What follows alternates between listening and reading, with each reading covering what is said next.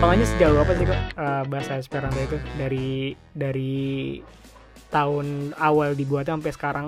Karena kayak Oh, bahasa-bahasa Hmm. kita ya bahasa Indonesia kan serapannya banyak tuh ada dari bahasa Arab juga ada dari bahasa Belanda gitu kan. Hmm. nah itu bahasa Esperanto kayak ngalamin kayak gitu juga nggak? Maksudnya pe- perkembangan bahasanya gitu uh, tentu gede. hmm, ya tentu sebagai suatu bahasa yang Hmm, yang dituturkan maksudnya bukan bahasa mati bahasa yang masih turun sampai sekarang Iya. Esperanto pasti berkembang maksudnya Hmm. kayak dari dari zaman Zamenhof itu kayak bikin kamus ini loh kosakata Esperanto pasti dengan sekarang pasti sudah banyak perbedaan sudah banyak berkembang kayak ada kosakata baru atau apalah Iya. gitu Hmm. banyak Meskipun tapi memang Heeh. ya, perkembangannya lebih lebih pesatnya di Eropa sih tentu karena memang si, karena si, Zam- si Zamenhof itu emang orang sana orang Eropa Timur gitu dia kayak berkembang ke Eropa dulu terus mungkin mungkin kayak penjajah Belanda bawa ke Iya. Indonesia baru masuk ke Indonesia gitu Oke. Terus yang yang handle maksudnya kayak lembaga atau suatu badan yang handle em, misalkan kayak kalau di bahasa Inggris kan ada dari eh, kamus Oxford gitu kan. Eh, kayak Hmm. misalnya ada kalimat yang saat ini tahun ini lagi viral atau lagi banyak Hmm. diomongin sama orang masukin ke eh, kamus kayak gitu. Jadi bisa orang-orang tuh jadi tahu eh, ke bahasa itu tuh artinya sebenarnya apa kayak gitu. Nah, itu ada lembaga atau badan yang ngurusin kayak perkembangan bahasa Esperanto nggak sih? ada cuma gue lupa namanya Nan- nanti gue mungkin nanti di, bisa Di- dikasih caption atau apa gitu Di luar tapi apa di sini? Di sini ada? di luar di luar kalau sini nggak ada Oh di sini justru nggak ada. Kalau yang gue tahu sih paling eh, kayak organisasi Esperanto sedunia itu namanya Universala Esperanto Asocio. Mm-mm. Itu kayak yang ngurus kongres, kayak yang ngurus eh, sema- misalkan mau bikin acara apa di mana gitu atau Hmm. mau ada yang tanya Hmm. serba-serbi Esperanto atau Hmm. mau misalkan open house gitu. Itu Iya. eh, kantornya di Belanda di Rotterdam. Hah, Belanda. Heeh, di Belanda. Justru eh, nggak tahu kenapa di Belanda. ju- iya gue juga bingung. Eh, secara si yang penciptanya Polandia ya. orang Polandia besar juga di Biau bukan bukan di, di, Belanda. kotanya dia juga tahu gua ada kayak semacam museum gitu sih semacam museum Esperanto gitu Di kota tahu gua. siapa? Di kota kelahiran Zamenhof itu. di Jawa Tengah di kota kelahiran Zamenhof Oh, Oke. Terus di di Polandia juga kalau nggak salah ada entah distrik atau ke- kecamatan mungkin ya namanya Ah, Esperanto gitu Hah? di Warta ibu ibu kota di Warsawa ibu kota Polandia Eh. soalnya teman gua pernah teman gua pernah kan ada yang ke sana terus kayak Iya. dia ngeliat bis gitu bis jurusannya jurusan Esperanto gitu mungkin Tapi- entah kecamatan atau kelurahan Iya. Esperanto gitu di, di sana Tapi kalau sekarang ini eh, belum ada em, ilmu khusus yang kayak misalkan sekarang misalnya ada jurusan sekolah atau itu sastra Rusia atau sastra Oh, iya. Jepang gitu. Hmm. Itu eh, belum ada ilmu khusus yang mempelajari Esperanto itu ya. Terakhir gua baca ada di kalau nggak salah di Hungaria sih Oke. Eh, ya jadi kayak jurusan bahasa sastra Esperanto gitu Mhm. Itu baru baru baru di sana doang ya? iya baru di sana juga terus paling kalau yang eh, matkul matkul ada Iya. di eh, setahu gua tuh ada di Seoul di Korea Selatan itu Iya. ada kampus namanya Hankook University of Foreign Studies Hmm. Eh, itu dia kayak buka matkul bahasa Esperanto gitu Oke. Kalau kayak gitu kira-kira yang pelajarin apaan kok? yang dipelajarin tentu ya em, kata kerja kata benda gitu kayak Eh. b- bagaimana cara bikin kalimat bagaimana Eh. cara em, cara misalkan berhitung dalam bahasa Esperanto terus menyatakan pendapat atau Eh. opini berpuisi gitu. Kalau kalau berhitung eh, sama kayak bahasa Latin nggak sih kok? Yang gue gua gua terakhir ngelihat dari film eh, Money Heist itu kan kayak unos des Oh, satu kalau dua. bahasa Esperanto uno eh uno maaf. Un, unu du trik Uno, du trik bar bin ses sep ok, naudek gitu ya satu dan sampai sepuluhnya. Oh. Ya mirip-mirip lah. Oh, justru malah nggak malah nggak jauh ya sama bahasa eh, Spanyol ya atau bahasa Latin. Ya, ya lumayan lumayan mirip. Oh, menarik sih. Kok eh, kalau misalkan ada orang yang em, eh, awam gitu ya, maksudnya eh, lu memperkenal diri eh, pakai bahasa Esperanto terus kayak orang eh, nanya bahasa Esperanto tuh apaan gitu ya. Lu lu menjelaskan ke orang awam yang nggak tahu tentang bahasa Esperanto itu kayak gimana kok? Menjelaskan sih kalau karena mungkin me- mereka juga belum belum tentu tertarik sama Esperanto gitu, Iya. paling ya secara singkat aja. Eh. Singkat ya, misalkan Esperanto bahasa buatan, Eh, Esperanto di sini di sini sini. Kosakatanya seperti ini, Eh. secara singkat doang. karena kan karena kan eh, orang pasti kan eh, mengasosiasikan bahasa itu kan dari sama negara kan. Iya kan? Ah, Pasti kan eh, kalau misalkan lu bilang eh, Eko nih yang yang bisa bahasa Esperanto, Esperanto emang negara mana gitu. Mana Sampai- banyak banyak ya kan? itu. Eh, banyak. Terus eh, Sedikit. Malah banyak yang ngira juga bahasa Spanyol. iya iya. Bahasa Esperanto Spanyol gitu ya. Iya. Katanya ada yang mirip-mirip gitu kayak mi estas, estas kan bahasa Spanyol gitu. Iya. Eh, kayak ya bom bom apa gitu juga kan eh, dari Prancis juga ada kan ya. Maksudnya eh, bahasa Nah, Prancis. Bonan nocton kalau bahasanya Eh. bon nuit gitu. Iya kan? Eh, Nah itu lu menjelaskannya eh, kayak gimana ke orang awam? Sekedar eh, ini Iya. bahasa buatan gitu-gitu aja. Sekedar sekedar tahu aja sih. Kecuali kalau dia memang benar-benar tertarik ya kayak gue mungkin kasih ya kasih nomor ke gue atau kasih link link kayak es- es- asosiasi Esperanto Indonesia. Di monetize nggak kok? Biasanya kalau misalnya ada orang yang belajar eh, misalkan kalau kayak kursus kursus bahasa Inggris Oh, gitu, iya. ada eh, kursus bahasa apa? eh, kursus Mandarin gitu kan.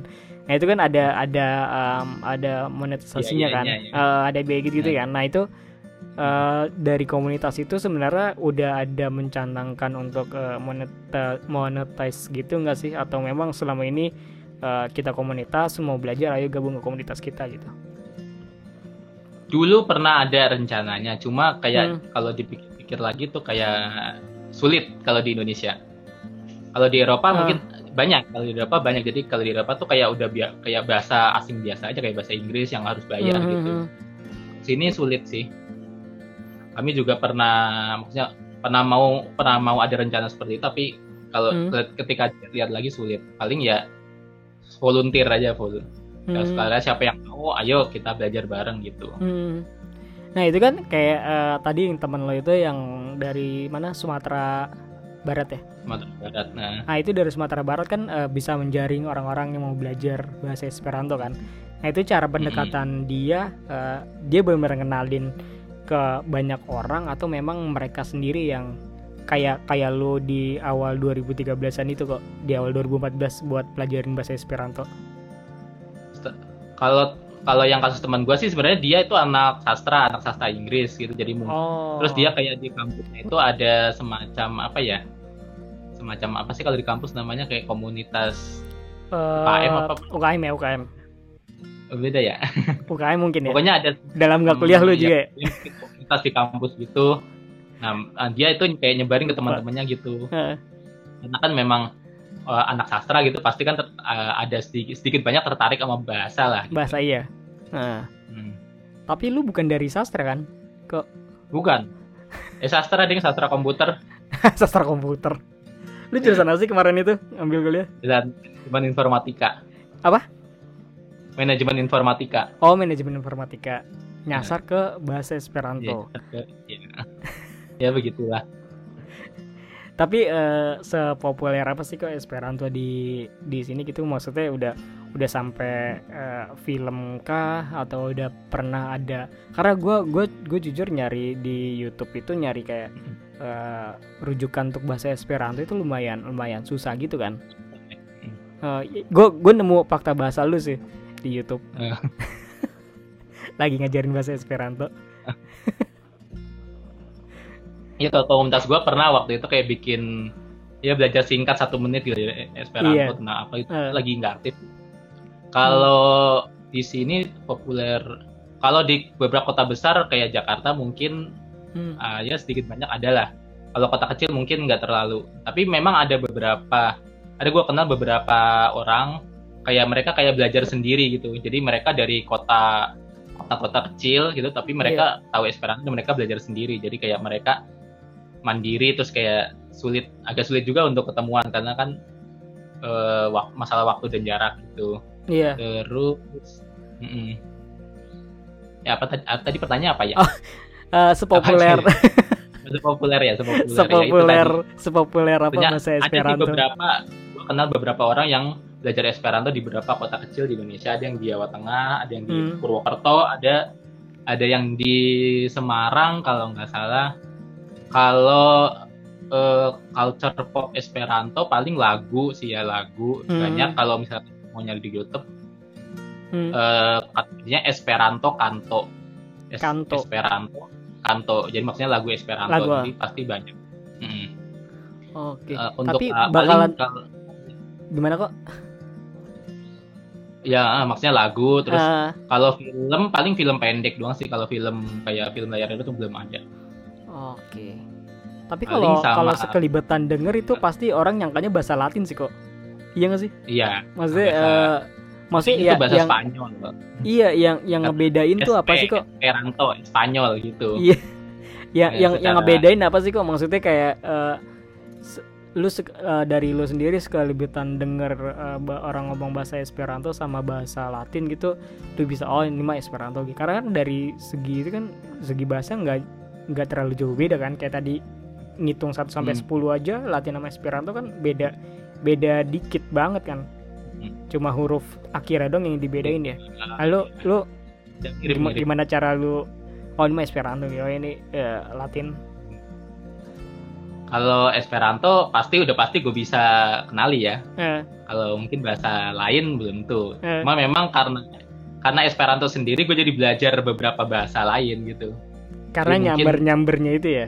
eh nyamber-nyamber jadi kayak lu misalkan udah punya dasar Esperanto nih lu mau Iya. udah belajar bahasa Prancis itu kayak lebih gampang gitu lebih gampang oh ini mah ada gitu ini mah di- di, bahasa Oh. Esperanto ada gitu Iya, karena iya, memang iya. ada penelitian ada ada dulu yang riset aduh gue lupa lagi nama institusinya eh jadi jadi mereka itu riset eh, sekelompok ada mereka bikin dua kelompok orang Iya. kelompok pertama itu belajar bahasa eh, itu mereka bukan maksudnya belajar bahasa Perancis mereka itu bukan orang Perancis ya bukan Iya. bel- orang yang pernah kayak menyentuh bahasa Perancis itu sama sekali jadi Oke. kelompok pertama itu orang belajar bahasa Perancis empat tahun intensif Iya. kelompok kedua belajar bahasa Esperanto satu tahun intensif kemudian dilanjut belajar bahasa Perancis tiga tahun intensif. Di akhir penelitian didapat hasil bahwa kelompok dua yang belajar Esperanto dulu bahasa Prancisnya lebih fasih daripada yang belajar bahasa Prancis kelompok A yang belajar bahasa Prancis doang gitu. Oh. Karena kalau kalau lu belajar Esperanto otomatis kayak lu bisa belajar Latin dan Prancis Iya. gitu. Eh, oh kayak misalnya gue ngomong ada ada orang Prancis ngomong apa oh ini mah Espera bahasa Esperanto ini mah gitu dari apa dari bahasa Prancis gitu mirip bahasa Esperanto gitu. Oh, oke. Tapi bener nggak sih nih kok eh, kemarin gue baca artikel itu kalau bahasa Esperanto itu bahasa paling gampang buat dipelajarin. Eh ya klaim-klaim itu ada Eh, karena kalau gue sendiri ya menganggap itu cukup mudah untuk dipelajari. apa yang Karena bikin sat- mudah gitu kok? Hmm. Ya, karena Hmm. itu tadi bilang ada yang teratur, Iya. teratur, nggak ada regular regular, terus Ah. Kayak lebih sederhana itunya. Maksudnya nggak kayak Prancis kan Prancis yang sengaunya banyak banget itu ya. Iya, sekaunya banyak ya. ya. Atau yang misalkan bahasa mana gitu, bahasa Jerman yang Ah. kasusnya ada maskulin, feminin, Iya. netral gitu Oh, ya. iya. Puyeng kan ya. Thailand juga kan, kan Thailand yang eh, buat cowok dan cewek gitu kan. Iya. Oh ini ini Pokoknya- ini cuma satu gitu. Eh, netral lah netral sederhana gitu sih yang bikin maksudnya karena gue udah mencoba sendiri jadi ya benar gue gue gue bisa bilang bahwa bahasa Esperanto itu cukup mudah dipelajari bahkan untuk orang-orang yang kayak orang Asia Timur gitu kan yang orang Cina orang Jepang itu kan Mhm. mereka juga agak susah belajar bahasa Inggris ya Iya. maksudnya eh, maksudnya kan namanya pelafalan mereka berbeda. Iya. Maksudnya bahkan hurufnya pun nggak pakai huruf Latin, jadi Iya. pasti mereka menemukan kesulitan. Cuma Iya. sepanjang yang gua tahu sih orang Tiongkok, orang Jepang, orang Korea yang belajar bahasa Esperanto banyak banget. Hmm, Bahkan di oke. Cina, di Cina, di Cina ada saluran TV khusus es- bahasa Esperanto. Woi. Eh bukan TV, eh, radio, radio. Namanya Cina Radio Internasia. Jadi itu Jadi ada eh, yang satu channel khusus Esperanto doang. Esperanto semua. Kok lu kayak kalau bikin podcast bahasa Esperanto banyak deh kok. podcast Dan yang nanti kita bicarakan lagi. podcast yang niche gitu rame tau kok. Lu kalau bikin Iya. podcast tentang bahasa Esperanto gue rasa sih banyak sih kok. Belum banyak, belum ada kayak pikirkan. yang Indonesia yang bikin podcast tentang bahasa Esperanto.